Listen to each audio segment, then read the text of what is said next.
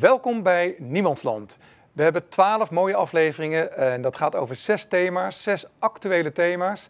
Die spelen met name in Nederland, maar zeker ook in de wereld. En dat doen we met twaalf uh, bijzondere gastsprekers die ook allemaal een, een, expertise hebben op het, gebied, op het vakgebied waar ze over gaan praten. En vandaag gaan we het hebben over pharma en ethiek. En aan deze zijde hebben we Wendy, Wendy Mittenmeijer. En aan de andere kant heb ik uh, Dick, Dick Bijl. Wendy, mag ik bij jou beginnen? Kun jij misschien jezelf even kort voorstellen? Ja, natuurlijk. Wendy Mittenmeijer. Um, ik ben van oorsprong medisch bioloog. Misschien leuk om daarmee te beginnen. Um, ik, dus ik ben uh, begonnen in de wetenschap en heb op een gegeven moment de switch gemaakt naar de farmaceutische industrie.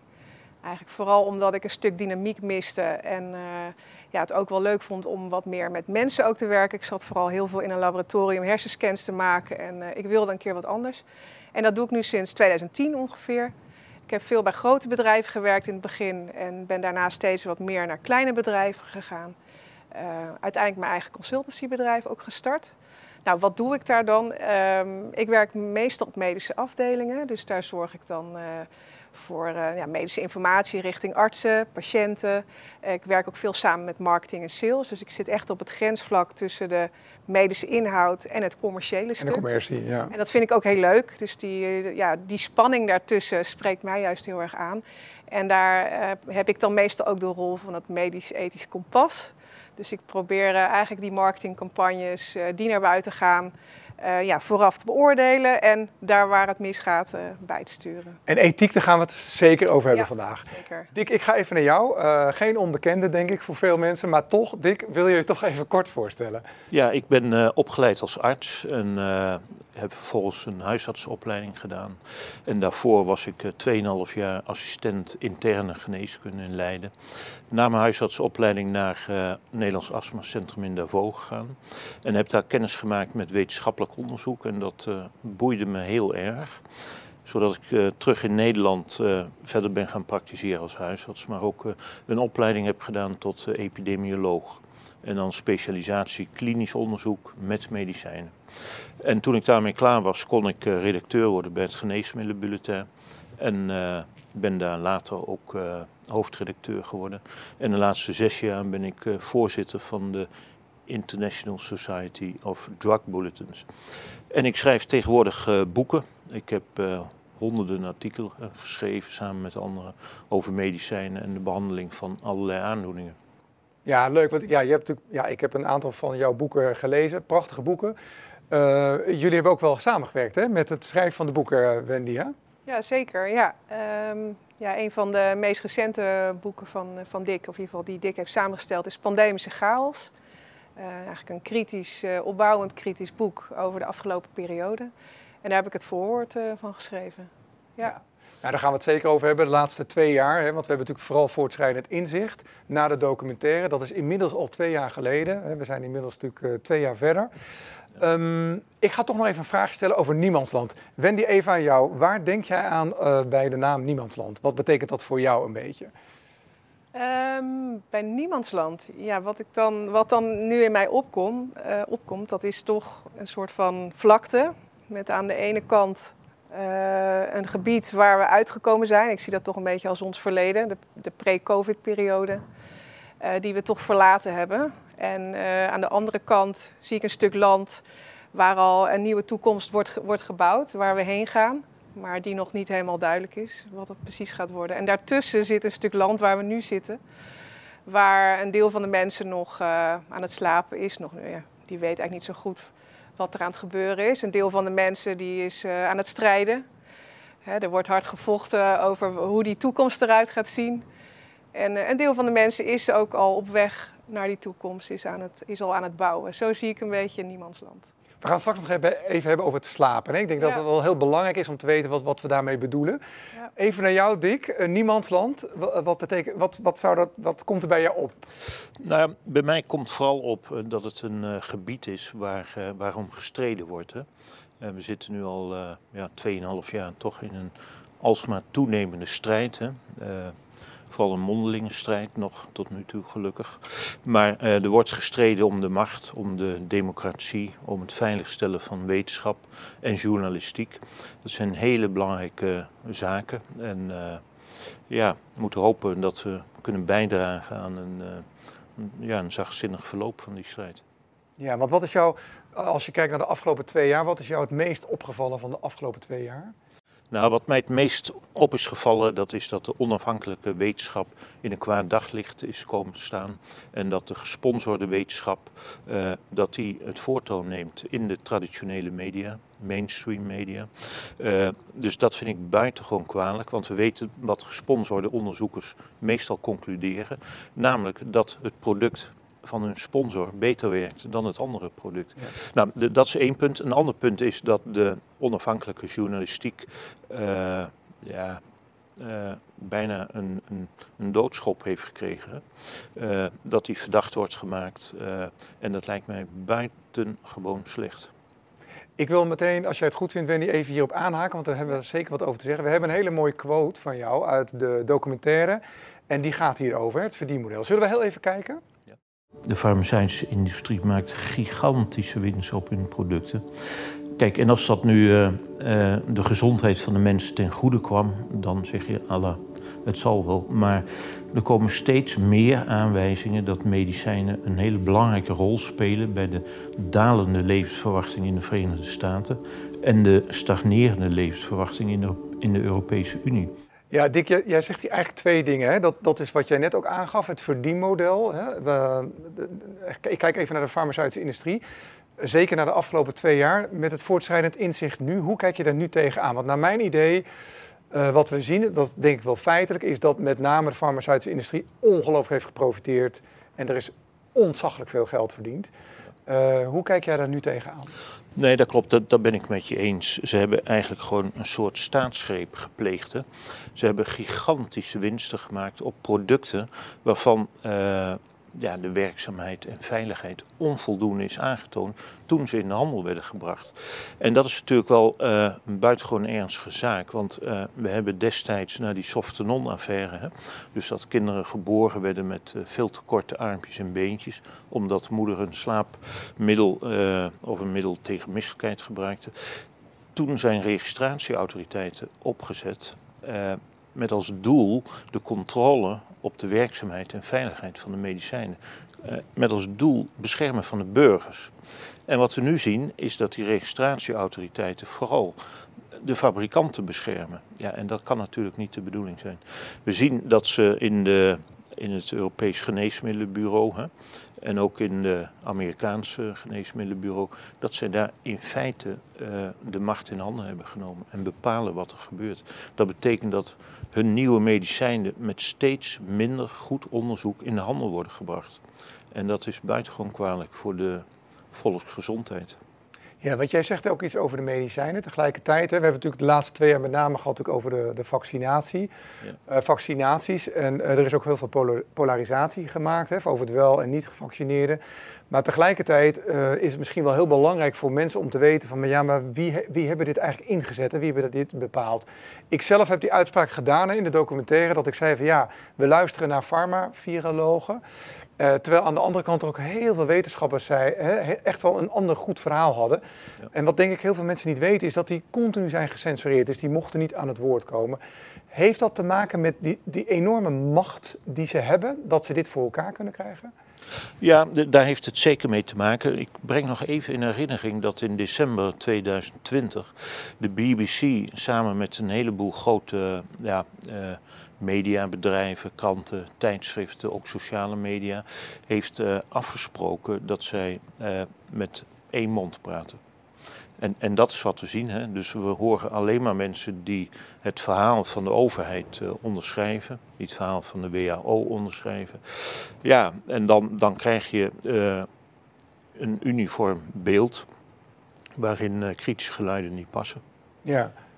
En je ziet ook, als, als we even kijken naar dan bijvoorbeeld de WHO, die feitelijk heeft bepaald voor 193 landen wat te gaan doen, dat daar ook, ja, je kan geruststellen dat daar eigenlijk een onderzoek zou moeten zijn, naar mijn idee, van follow the money. Kijk eens welk geld daar binnenkomt, wat de machtstructuur daarvan is. En welke virologen roepen dan wat in de landen. Hè? Met name hebben we het over de lockdowns gehad, die denk ik heel veel neefschade hebben veroorzaakt. Ja. En die afwegingen worden niet gemaakt. Hè? Van we weten de, maar dat komt dan omdat van bovenaf er duidelijk een bepaald verhaal, narratief, min of meer gevolgd moest worden. En daar is natuurlijk heel veel aan verdiend. Ja, ja dat klopt. Uh, hoe dat precies uh, in zijn werk gaat, dat weet ik natuurlijk niet. Hè. Het is heel goed om dat uh, verder te onderzoeken. Maar we weten natuurlijk van, vanaf de Mexicaanse griep al dat er in Rotterdam een clubje veeartsen actief is, die de gehele publieke opinie aan het bespelen is met veelal onjuiste informatie. Uh, informatie die niet gebaseerd is op het beste wetenschappelijk onderzoek wat beschikbaar is. En daar gaat het om. Hè. Wat wij nu hebben gezien, dat is dat beslissingen van de overheid uh, worden genomen op basis van steeds lagere categorieën van wetenschappelijk bewijs.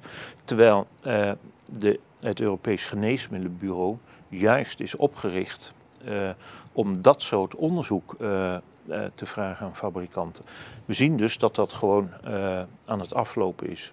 En dat betekent dat steeds vaker, uh, steeds meer middelen op de markt komen die onvoldoende goed zijn onderzocht. En dat betekent dat, ja, dat de volksgezondheid, dat de burgers daar de dupe van zijn. Ja, en, en ook vaak qua informatie. Ik ga even naar jou, Wendy. Jij komt natuurlijk uit die farmaceutische industrie. Jij zit er eigenlijk middenin. Ja, uh, het mooie is ook dat je ja, aan twee kanten hebt gezet. Medisch-biologisch is geweldig. Ik denk helemaal als je kijkt naar virussen en het ontstaan van virussen, dan, daar kan jij wel een beetje over meepraten, denk ik. Maar ook wel uh, uh, als je dan in die wereld zit. Uh, en je ziet ook die commercie en je kijkt nu naar de afgelopen twee jaar. Wat, wat, wat vind jij daarvan? Wat valt jou dan op? Um, nou ja, ik, ik ben uiteindelijk van de wetenschap naar de farma gegaan. En toen ik daar kwam, had ik eigenlijk een heel positief beeld van de farmaceutische industrie. Ik kwam eigenlijk wel op mijn, op mijn plek en het viel me eigenlijk alles mee, laat ik het zo zeggen. Als wetenschapper was ik heel kritisch uh, richting de farma. Maar ik zag dat daar heel veel integere mensen werkten die net als wij de beste intenties hebben. Uh, ja, ook bij willen dragen aan patiëntenzorg. Dus eigenlijk was mijn beeld heel positief. En ik had ook gezien dat ze echt wel proberen, in ieder geval de meeste bedrijven proberen ook wel compliant te zijn, zich aan de regels te houden, dus hè, de ethische regels. Um, dus eigenlijk was ik best wel positief over, over de farmaceutische industrie. Um, maar toen kwam COVID en toen was ik toch wel zeer verbaasd hoe stil het eigenlijk was vanuit die farmaceutische industrie toen er uh, wetten en regels even aan de kant werden geschoven. Als, of het nou ging over de reclamecampagne of toen het ging over grondrechten, de, het CTB. Ik hoorde geen enkel kritisch Wat is geluid. het CTB? Oh ja, het corona-toegangsbewijs. Ja. Um, ja, en, en als je dan ook nog die miljardenwinsten ziet uh, in een crisistijd waarin ondernemers omvallen, dan denk ik van ja, dit is ook niet maatschappelijk verantwoord ondernemen meer. Hè. Dit is gewoon profiteren van een crisis. Zo heb ik dat echt ervaren, dat ik echt plaatsvervangende schaamte voelde. Um, in combinatie met dat je dus helemaal niets hoorde. Ze hebben, eigenlijk heeft de pharma zich gewoon niet uitgesproken, zou je kunnen zeggen.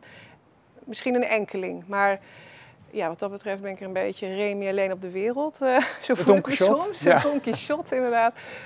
Uh, misschien heel dwaas en naïef, maar um, ja, waardoor ik nu wel moeite heb om nog in die pharma te werken. Ja, dus ik denk dat daar dus toch wel, als het gaat om een ethisch kompas, dat daar echt iets mis zit. In ieder geval niet bij alle bedrijven uh, en ook niet bij alle medewerkers. Ik denk dat we daar wel genuanceerd over moeten blijven praten. Niet de hele pharma is, is ziek of is uh, onethisch. Maar ik denk dat zeker bij grote bedrijven, uh, ja, daar zijn zoveel belangen. Uh, dat de kans dat je daar toch ja, op een gegeven moment keuzes gaat maken die niet meer in het belang zijn van patiënten, die, die kans is gewoon aanwezig. En ik denk dat je dat met COVID wel zeker ziet. Ja. ja. Nou ja, wat jij zegt, uh, ik, ik ben zelf natuurlijk ondernemer en uh, als ondernemer uh, kijk je natuurlijk ook heel goed van hey, de, de, kleine, grote ondernemers, middelgroot en, en natuurlijk de multinationals. Ja. Uh, maar ik ben met je eens. Ik denk ook dat, dat je ziet in veel bedrijven dat mensen het heel goed bedoelen. Hè? Of het nou in het ziekenhuis is of in het onderwijs. Uh, het maakt niet zoveel uit. Maar net wat je zegt, op het moment dat het groter wordt, dan spelen er natuurlijk hele andere doelstellingen. Ja. Ja, en maar na, naarmate het echt groot wordt en er komt ook macht bij kijken, en macht corrumpeert dan toch wel, denk ik. Dan zie je dat de doelstellingen natuurlijk bovenin heel anders zijn dan al die goed bedoelde kan mensen. jij als general manager van een lokaal filiaal wil zeggen, wij willen, willen het zo. Maar als dan iemand bovenin, vanuit de aandeelhouders en het managementteam van bovenin zegt nee, we gaan die kant op, dan, kan jij, dan moet je eigenlijk mee. Ja. Uh, dus het wordt steeds moeilijker om daar dan tegen in te gaan. Ik zie dat wel een beetje terug, jij, ook in elke industrie. Hè? Want ik kom dan zelf uit de automotive. Nou, daar hebben we natuurlijk hetzelfde gehad. De Schumel-affaire met Volkswagen. Nou, dat is natuurlijk helemaal uit de hand gelopen. Terwijl ik natuurlijk ook weet dat, hè, ook binnen mijn eigen bedrijf in de automotive... zijn natuurlijk heel veel welwillende, goedwillende mensen. Daar gaat het niet om. Maar er, worden, er gebeuren daardoor wel veel dingen. En je ziet met name denk ik, bij de farma-industrie, als je gewoon feitelijk gaat kijken naar de laatste misschien tien jaar, dat er heel vaak de wet wordt overschreden. Er zijn echt gigantische schandalen. En eh, die, ja, die, die gebeuren dan toch waarschijnlijk om andere redenen. Hoe kijk jij daar tegenaan, Dick? Ja, dat, dat klopt. Uh, er zijn veel schandalen. Uiteindelijk resulteert dit er allemaal in dat, uh, dat die industrie kan doen en laten wat ze wil. Uh, wat betreft die uh, schandalen, uh, ze krijgen in Amerika, de, de fabrikanten krijgen wel hoge boetes, hè? soms miljarden dollars. Maar ja, dat deert ze niet, want dat is, die post is gewoon opgenomen in hun begroting. Ja. Dus uh, dat is meer voor de goede sier maken naar de, naar de burgers. Maar het, het treft deze fabrikanten niet. En het wordt ze dus steeds makkelijker gemaakt om nieuwe medicijnen in de handel te brengen die onvoldoende zijn onderzocht. Dus ik vind het, uh, ja, ik vind het allemaal buitengewoon kwalijk. Ja, waar ik me vooral over verbaasd heb in de afgelopen twee jaar, is dat inderdaad dat je ziet dat eigenlijk de mensen met belangenverstrengeling, dat die heel veel aan het woord ook zijn geweest en dat, die ook eigenlijk bepalend zijn geweest voor, kijk naar de PCR-test, kijk naar een Ab Oosterhuis, terwijl we al wisten vanaf de Mexicaanse griep dat dat niet lekker zat, hè, qua belangen bedoel ik dan. Maar dat geldt voor een Ferguson, dat geldt voor een Fauci, dat geldt voor de WHO, dat geldt voor Bill Gates. En dan begrijp ik niet zo goed hoe wij vanuit de politiek, de overheid, toch blijven luisteren naar die enorme lobbymachines. Uh, terwijl je toch zou zeggen, ja, maar er zijn heel veel wetenschappers die, die hun carrière, alles op het spel zetten, die een heel ander verhaal vertellen. Waarom luisteren we niet daarnaar? En waarom luisteren we dan wel naar die enorme lobbymachines. Wil jij daar wat over zeggen, Wendy? Merk jij dat ook op die manier?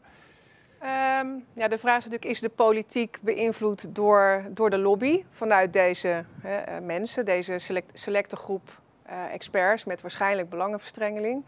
Uh, of is het zo dat deze mensen op het podium worden gezet door de politiek omdat zij iets verkondigen wat mooi past in hun straatje? Dus ik denk dat het uiteindelijk een soort van resonerende belangen zijn waardoor deze partijen elkaar eigenlijk ja, helpen, ondersteunen in hun doelstelling. En dat kan voor die virologen gewoon ook een puur zakelijk belang zijn. Hè. Deze mensen worden, uh, hebben nu een heel groot podium. Ze zijn heel invloedrijk, krijgen daardoor heel veel subsidies, krijgen aandacht. Dat is natuurlijk best wel een incentive om, om door te gaan. En uh, misschien gaan ze er op een gegeven moment ook zelf in geloven. Maar ergens moet toch de vraag komen: gaat dit nog over de gezondheidszorg en daadwerkelijk de patiënt, wij als mensen? Of gaat het dan over het verdienmodel en wat goed uitkomt voor de politiek? Um, ja, die vraag heb ik mezelf natuurlijk ook heel vaak gesteld. Uh, doet de politiek dit omdat ze echt nog steeds het beste met ons voor hebben? En ik denk een, een deel van de politici denkt volgens mij echt dat zij uh, eh, 100% van de bevolking moet vaccineren. Uh, dat is hun verteld door bepaalde adviseurs. En zij hebben niet de wetenschappelijke expertise om dat nou heel kritisch te beoordelen.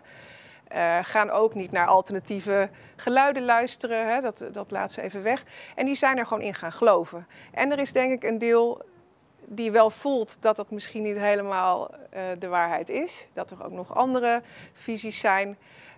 Um, maar dat, dat dit gewoon even beter uitkomt. Dus ik denk dat het, dat het heel complex is. Dat je echt per persoon eigenlijk moet gaan kijken. Uh, wat drijft die persoon nu precies? Ja, ja, maar aan de ene kant is het complex, maar aan de andere kant is het wel een mooi bruggetje naar jouw tweede quote, want jij zegt daar iets over. Twee jaar geleden, Dick. Zullen we daar even naar kijken? Want, ja, uh, mag jij... ik hier nog even op ja, uh, ingaan? Want uh, het is natuurlijk toch wel sprake van een trend in de afgelopen 10, 20 jaar. Hè? Internationale onafhankelijke onderzoekers die ik goed ken, via verschillende organisaties, die hebben mij keer op keer gezegd van het wordt steeds moeilijker voor ons om onze mening uh, ergens gepubliceerd te krijgen in een tijdschrift of uh, via een interview op radio of, of, televisie. Dus dat proces is al jaren gaande. En het lijkt er haast op alsof deze, ja, deze crisis, deze coronacrisis, is aangegrepen, vraag me nog niet door wie, maar is aangegrepen zodat die grote uh, bedrijven, vooral de farmaceutische industrie, ja, hun macht grijpen. Ja, en dat doen ze goed. Ja, het is niet alleen de, de farmacie. Hè. De, er zijn nu ook allerlei berichten over techbedrijven. Daar ga ik het straks met jullie over hebben. Want dan gaat het echt over de medische data, wat daarmee gebeurt. Het lijkt erop dat we dat ook uit handen aan het geven zijn op dit moment al. Uh, maar dan gaan we, straks, we gaan even naar jouw quote. Want jij zegt iets heel moois over de expertise waar jij uh, op aanhaakte. Zullen we heel even kijken naar de quote? En, en, wat doet de politiek dan? Want ik heb gezien dat Edith Schippers, hè, als ex-minister van Gezondheid, die had gezegd een tijd geleden in haar periode, zeg maar, van nou, dit kan eigenlijk niet zo langer hè, met de monop monopolie van de farmaceuten en de macht. Mhm. uh, is er dat veranderd naar jouw idee in de politiek? Nee, uh, even over Schippers. Die zei het een en deed precies het tegenovergestelde. Dus daar werden we helemaal geen, niet uh, wijzer van. Uh, ik moet constateren dat er in de Tweede Kamer vrijwel geen inhoudelijke deskundigheid is bij de politici. Hetzelfde geldt voor het Europees Parlement. Ehm, in de top van VWS is geen inhoudelijke expertise. Dus ja, ze krijgen vrijwel geen weerwoord, die fabrikanten. En dat is natuurlijk toch ernstig, zeer ernstig. Dick, ik denk dat jij het hier mooi zegt. In de zin van uh, wat jij aangeeft. Hè, uh, de politici zullen het misschien goed bedoelen. Maar jij zegt ook eigenlijk van ja, maar er is geen expertise. En als de lobbykracht natuurlijk hè, van boven zo groot is. Uh, ja, wat gaan die mensen dan doen? Ga, wat, wat, we zijn twee jaar verder. Jij zegt het is natuurlijk al veel langer terug aan de gang. Ja. Hoe zit dat met die expertise eigenlijk in, in de organisaties? Nee, die, die is uh, bedroevend laag. Je kunt ze in feite alles wijsmaken. En dat is ook wat er gebeurt natuurlijk. Hè. Het lobbywerk van de farmaceutische industrie werkt perfect uh, bij VWS en ook uh, bij de Europese Unie, bij de EMA. Zij, de fabrikanten, bepalen daar de agenda. De, dat is evident. Uh, dus ja, daar, het is slechter geworden uh, sinds ik deze uitspraak deed. En ik zie nog niet zo snel hoe de politiek hier ja, een actie op wil ondernemen. Ja, ik heb destijds geroepen, uh, we hebben natuurlijk goud en olie, maar ik heb eh, destijds geroepen, in, ook in de docu, dat de data, zeg maar, de medische data, de biomedische data, dat dat eigenlijk het nieuwe goud is. En wat zien we nu? Dat de grote techbedrijven, en dan heb ik het dus echt over hè, de, de, de, de, Meta hè, en, en de, de Googles, de, nou, noem ze allemaal op, hè, de social media grote bedrijven, die, uh, daar zijn vergaande afspraken op dit moment uh, over inderdaad onze medische data. Het gaat zelfs nog verder dan dat. Hoe kijk jij daar tegenaan? Want het lijkt er een beetje op dat zij met hun macht die data aan het binnenhalen zijn en dat ze daar natuurlijk iets mee willen. Is dat goed voor de gezondheid voor ons als mensen, als patiënt? Wat, wat vind jij daarvan, Wendy? Nou ja, ik denk dat wat de techbedrijven heel goed aanvoelen, uh, is dat uh, we van uh, nou ja, het behandelen van ziektes toe moeten gaan naar preventie. Dat daar ook heel veel eigenlijk te verdienen is nog. Um, Met behulp van de data? Ja, nou ja, preventie in het algemeen. Het voorkomen van ziektes. Dat is natuurlijk waar heel veel winst te behalen is. Alleen, um, investeren in leefstijl, daar valt niet zoveel aan te verdienen. Dus men gaat er een beetje tussenin zitten. Dus um, waar is aan te verdienen? Aan, screening, testen bijvoorbeeld. Maar ook uh, het monitoren van, van symptomen. Hè? Je hartslag uh, meten. En, maar is het dan niet dat ze juist verdienen aan iemand die uh, ziek is? Of? Nee, ik denk dat het, dat het ook de groep is die bang is voor, voor ziektes. Die gewoon willen weten van is er met mij iets aan, aan de hand. Hè? Er zijn heel veel mensen die nu ook steeds zich laten testen, die, die kerngezond zijn. Omdat ze willen weten of ze niet ziek zijn. Dus daar zit nog heel veel, heel veel winst eigenlijk. Er wordt nu vooral aan zieke mensen verdiend. Maar hoe mooi is het als je ook kan verdienen aan de groep die bang is voor ziektes, zoals nu met uh, COVID. De hele bevolking gaat een vaccin halen die het eigenlijk nou ja, een groot deel heeft het niet nodig. Mensen zitten, uh, gezonde mensen zijn zich aan het testen om een diagnose te krijgen. Men voelt dat daar heel veel te halen is. Ja. Dus Rutte heeft het ook dat dat, uitgesproken nog even. Ik wil het toch nog even graag herhalen. Hij heeft heel duidelijk gezegd. eh, ja, als je gezond bent, dan is testen echt, echt onzin. Maar waarschijnlijk is het daarna gezegd: ho, ho, ho, eh, Ja. hier wordt geld aan verdiend, dus we gaan door met testen. Ja, en je kan het ook hebben als je geen klachten hebt. Dus er is natuurlijk heel veel angst eh, gecreëerd. En, en die angst ehm, voor ziektes, die, die resoneert blijkbaar. En, Hoe kijk je daar ethisch naar? Ehm, nou ja, ik, ik doe zelf ook af en toe disease awareness campagnes. Dus dan ga je eigenlijk een ziekte promoten. Of nou ja, in ieder geval de, niet promoten, geen reclame maken, maar in ieder geval mensen bewust maken dat bepaalde ziektes zijn. En ik vind dat tot op zekere hoogte ook ethisch verdedigbaar. Zeker als arts en patiënten geen idee hebben dat die ziekte bestaat. En dat zij die mogelijk kunnen hebben. En bijvoorbeeld daardoor heel lang onbehandeld rondlopen. Dus, dus in die zin is het goed dat dat er is. Maar je moet dan altijd heel goed oppassen of dat niet doorslaat. Want je wil mensen ook niet onnodig bang gaan maken.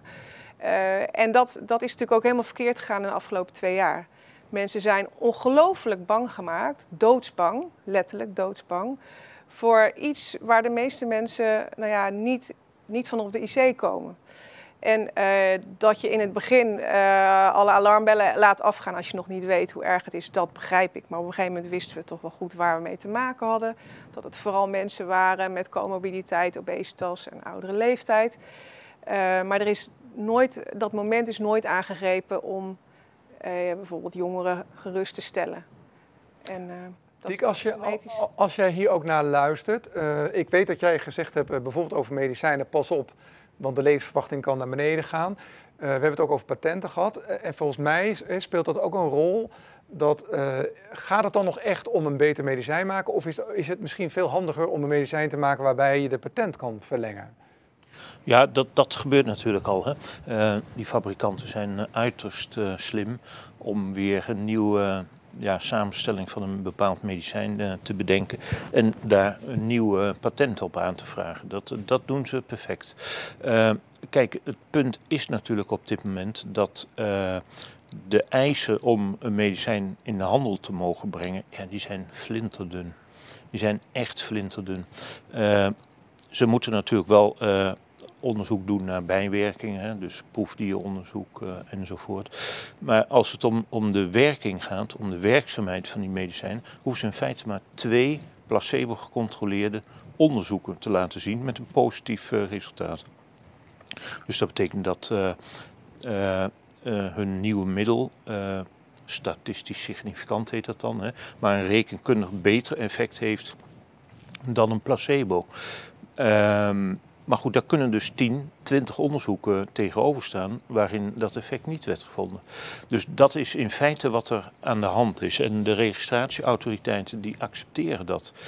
En ik denk dat als je eh, echt een goed medicijnentoezicht wilt hebben, dat je niet moet kijken naar rekenkundige verschillen, maar dat je moet kijken van, zeg, zegt de patiënt nu ook zelf dat hij beter is geworden? Hè? En dat noemen we dan een klinisch relevant effect.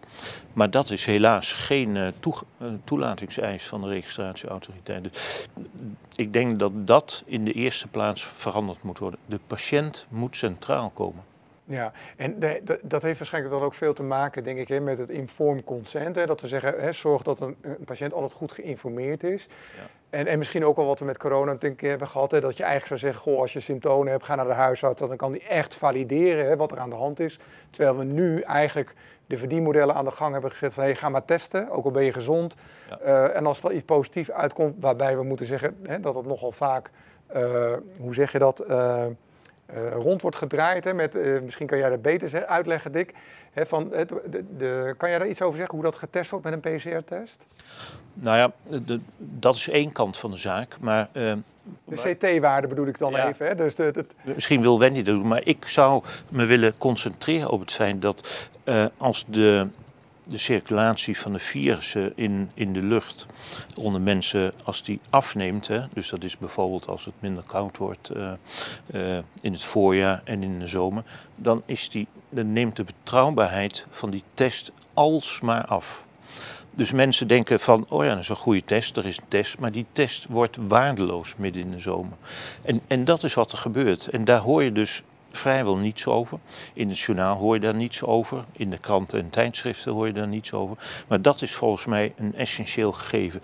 Dat de test ook uh, afhankelijk is van hoe vaak je hem uh, uh, ja, laat repliceren. Ik vind het, dat vind ik belangrijke informatie, hè? wat denk ik ook mensen moeten weten.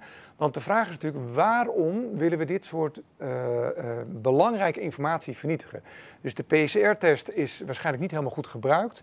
Uh, de uitslagen daarvan ook niet. En de data daarvan willen we dus eigenlijk vernietigen. Ja. De Raad van State heeft er nu nog even een stokje voor gestoken. Maar dat op zichzelf maakt het al discutabel hè, wat we aan het doen zijn. Ja, dat is uiterst discutabel. Hè? De overheid uh, ja, forceert eigenlijk een bepaalde strategie bij mensen en verplicht ze bijna om uh, de richtlijnen te volgen. Hè? Maar je mag het niet controleren. Ja, nou goed, dat betekent, naar mijn idee, uh, dat heeft ook Nicolas Freudenberg, hè, de New Yorkse uh, epidemioloog, die heeft dat laten zien. De grote bedrijven, hè, overal waar die vaste voet aan de grond krijgen, die zorgen ervoor dat de levensverwachting van mensen afneemt, dat de ziekte en aandoeningen toenemen, maar bovenal dat de democratie wordt bedreigd. En dat, dat zien, daar zitten we met z'n allen naar te kijken. Dat is wat er gebeurt. Ja, en dan ga ik even terug naar jou, Wendy. Want jij, jij zegt daarover wat met ethiek. Ik, volgens mij is dat heel belangrijk. Want ik heb het idee dat we met, met die enorme data, maar ook dat we in een tijdperk gaan komen naar de maakbare mensen. En dat komt vaak uit de gezondheidszorg. Hè. We bedoelen het goed. Hè. We, ja, laten we zeggen, even heel simpel gezegd, we hebben lenzen, oorapparaten, maar we gaan steeds verder natuurlijk hè, om ons te verbeteren. En waarschijnlijk de komende tien jaar gaat er nog veel meer veranderen. Die invloed heeft, heeft zelfs op onze DNA. Uh, nou, ze, dan gaan we het over chips hebben. Hoe kan je een maakbare mens maken? Hoe kan je mensen uh, ouder laten worden? Hè? Het verouderingsproces. Nou, daar komt volgens mij ontzettend veel ethiek bij kijken. We gaan eerst even naar jouw quote, want uh, dat vind ik wel een belangrijke. Ik lees hem even voor. Het afgelopen jaar heb ik me regelmatig afgevraagd: waar is de ethiek? Ja. Wendy, ik ben het helemaal met je eens. Ik heb me dat ook afgevraagd, waar is de ethiek? Ja. En ik maak me heel erg veel zorgen over wat ik net jou eh, vertelde over die data. Als we die ook al aan de grote techjongens gaan geven, dan is het misschien allemaal wel goed bedoeld.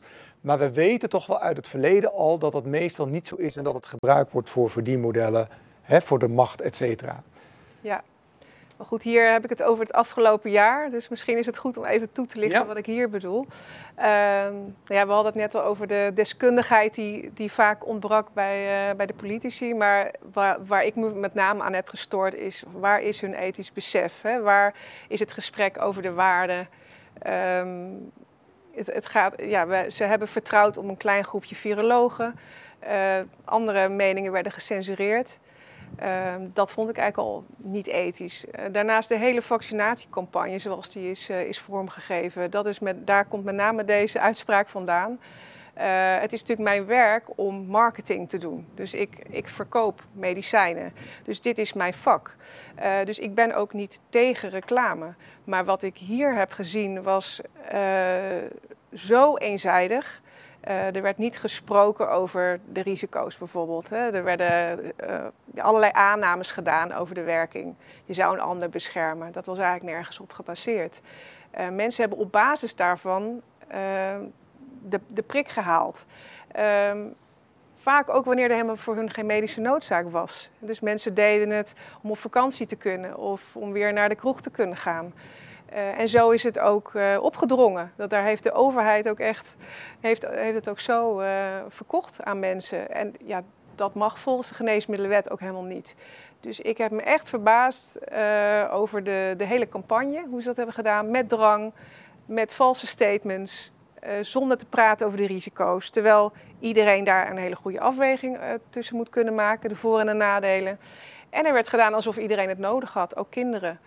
Ja, en daar ging bij mij, uh, ja, ik, ik, viel al van mijn stoel, maar toen was ik helemaal uh, uh, geschokt. Het gemak waarmee het ook, een, een geneesmiddel ook, ja, aan, aan, aan, kinderen werd, werd opgedrongen eigenlijk. En ik, ja, nog steeds kan ik daar niet met, met mijn pet bij. En je ziet het eigenlijk ook niet veranderen. Je ziet dat, dat de claims iets gematigder worden. Ik zag in de nieuwe commercial nu dat er niet meer wordt gezegd je beschermt een ander. Maar nog steeds wordt er niet over de bijwerkingen gerept. Er wordt nog steeds niet uh, actief opgeroepen om te melden. Dat vind ik heel raar bij een voorwaardelijk toegelaten geneesmiddel. ik vind dat ze actief hadden, hadden moeten monitoren. Ehm, en ehm, ja, misschien dat de claim, je doet het voor een ander, niet meer voorbij komt. Maar dat is dan het enige verschil. En voor de rest wordt het weer vanaf 12 plus gewoon uh, aanbevolen. Zonder ja, je eigenlijk kan zeggen dat vaccineren doe je het altijd voor jezelf. En je, doet, je kan het niet voor een ander doen. Ja, nou ja, er is natuurlijk wel wat discussie geweest. Hè. Ben je nou minder besmettelijk of niet? En dan hebben we, we het net al over statistisch significant en klinisch relevant. Nou ja, je kan misschien het gaan hebben, hoe groot is dat statistisch significante verschil? Misschien is dat er en misschien is dat kortdurend. Maar is dat klinisch relevant? Hè? En ook daar, over dat statistisch significant verschil, zijn al heel veel verschillende meningen. Als je dan kijkt naar de wetenschap, of de wetenschappers. Uh, dus eigenlijk is die onderbouwing flinterdun. En is dat, maar het werd al heel snel geclaimd door de overheid. Vanaf het begin al, terwijl er nog helemaal geen data waren. Ja. Maar dat is een beetje over, met alles een beetje geweest. Hè? Dat alle maatregelen die zijn toegepast, die waren helemaal niet wetenschappelijk onderbouwd. Hè? Dat, en dat is ook wel heel erg jammer, want de wetenschap is naar mijn idee heel erg misbruikt. Want ik, ik, ik had ook altijd, altijd iets met wetenschap, maar ik heb niks met lobbywetenschap en marketingwetenschap. En volgens mij is dat wat er aan de hand is, toch Dick? Ja, daar heb je zeker gelijk in. Ehm, de meeste deskundigen, wetenschappers die op televisie en in de media verschenen, dat waren vrijwel allemaal mensen met uh, conflicterende belangen. Financieel conflicterende belangen met de farmaceutische industrie. Nou goed, dan weet je wel ongeveer wat hun verhaal zal zijn. Uh, opmerkelijk was dat uh, minister uh, Dijkgraaf een... Best wel een, een, man met aanzien, inmiddels minister. En die, die, die zegt dan iets hè, over die wetenschap. Ja, de, dat vond ik heel opmerkelijk, hè, want hij had een indrukwekkende carrière achter de rug. Hij was directeur van het uh, ja, wereldberoemde Princeton Instituut in de Verenigde Staten. Maar hij wil dus een uh, centrum voor wetenschapscommunicatie uh, oprichten.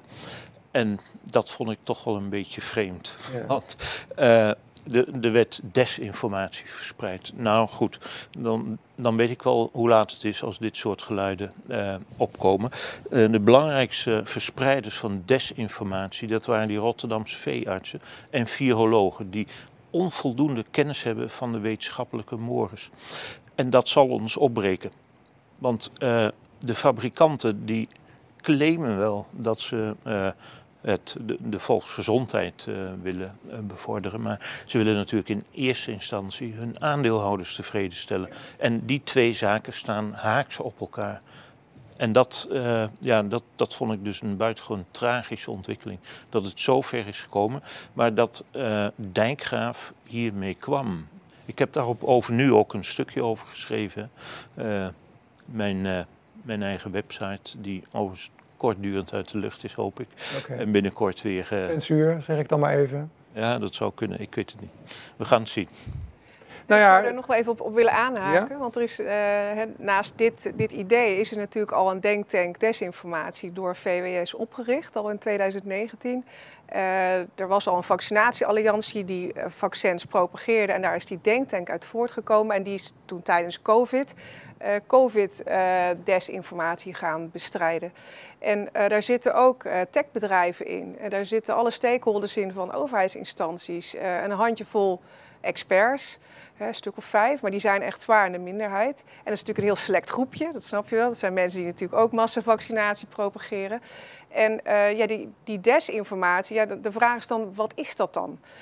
zij bepalen blijkbaar vanuit die uh, koker van VWS wat informatie is en wat niet. En zo werkt wetenschap helemaal niet. Wetenschap is debat, is dialoog.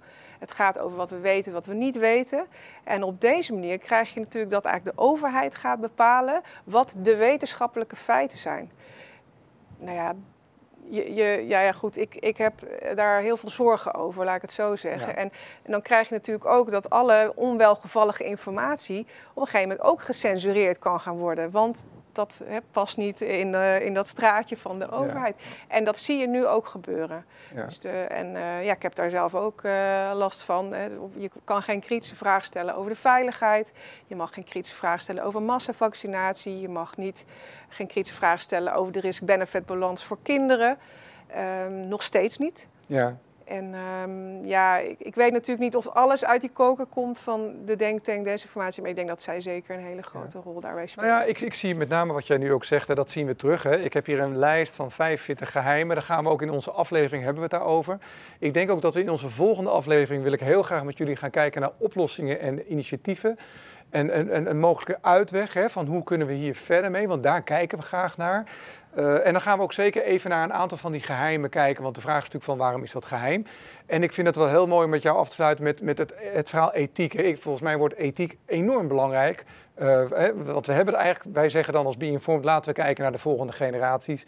En uh, de aandeelhouders, de manier zoals we het nu doen, dat, dat vertellen we ook in de aflevering Geld en Economie. Daar wordt maar een hele kleine groep, heeft een enorm belang. En, en de vraag is van, ja, willen we dat met z'n allen wel zo? Bij deze ga ik jullie heel erg bedanken. Uh, Dick, jij bedankt. Wendy, jij bedankt voor uh, dit stuk. En uh, ja, wij nodigen jullie heel graag uit voor de volgende aflevering natuurlijk. En dan gaan we in Niemandsland gaan we kijken naar oplossingen. En natuurlijk doen we dat dan voor de pharma en de ethiek. Bedankt voor het kijken. Als daar gewoon in de meeste politieke partijen geen enkele expertise aanwezig is, ja, dan verwaarloos je je taak als volksvertegenwoordiger. Ik zeg niet dat we helemaal nooit meer, dat er geen plek is voor medicatie. Maar ik denk dat we nu veel te snel teruggrijpen op medicatie. Dat we daar ook afhankelijk van zijn geworden. Het is snel, het is makkelijk, maar ga terug naar, naar het kernprobleem.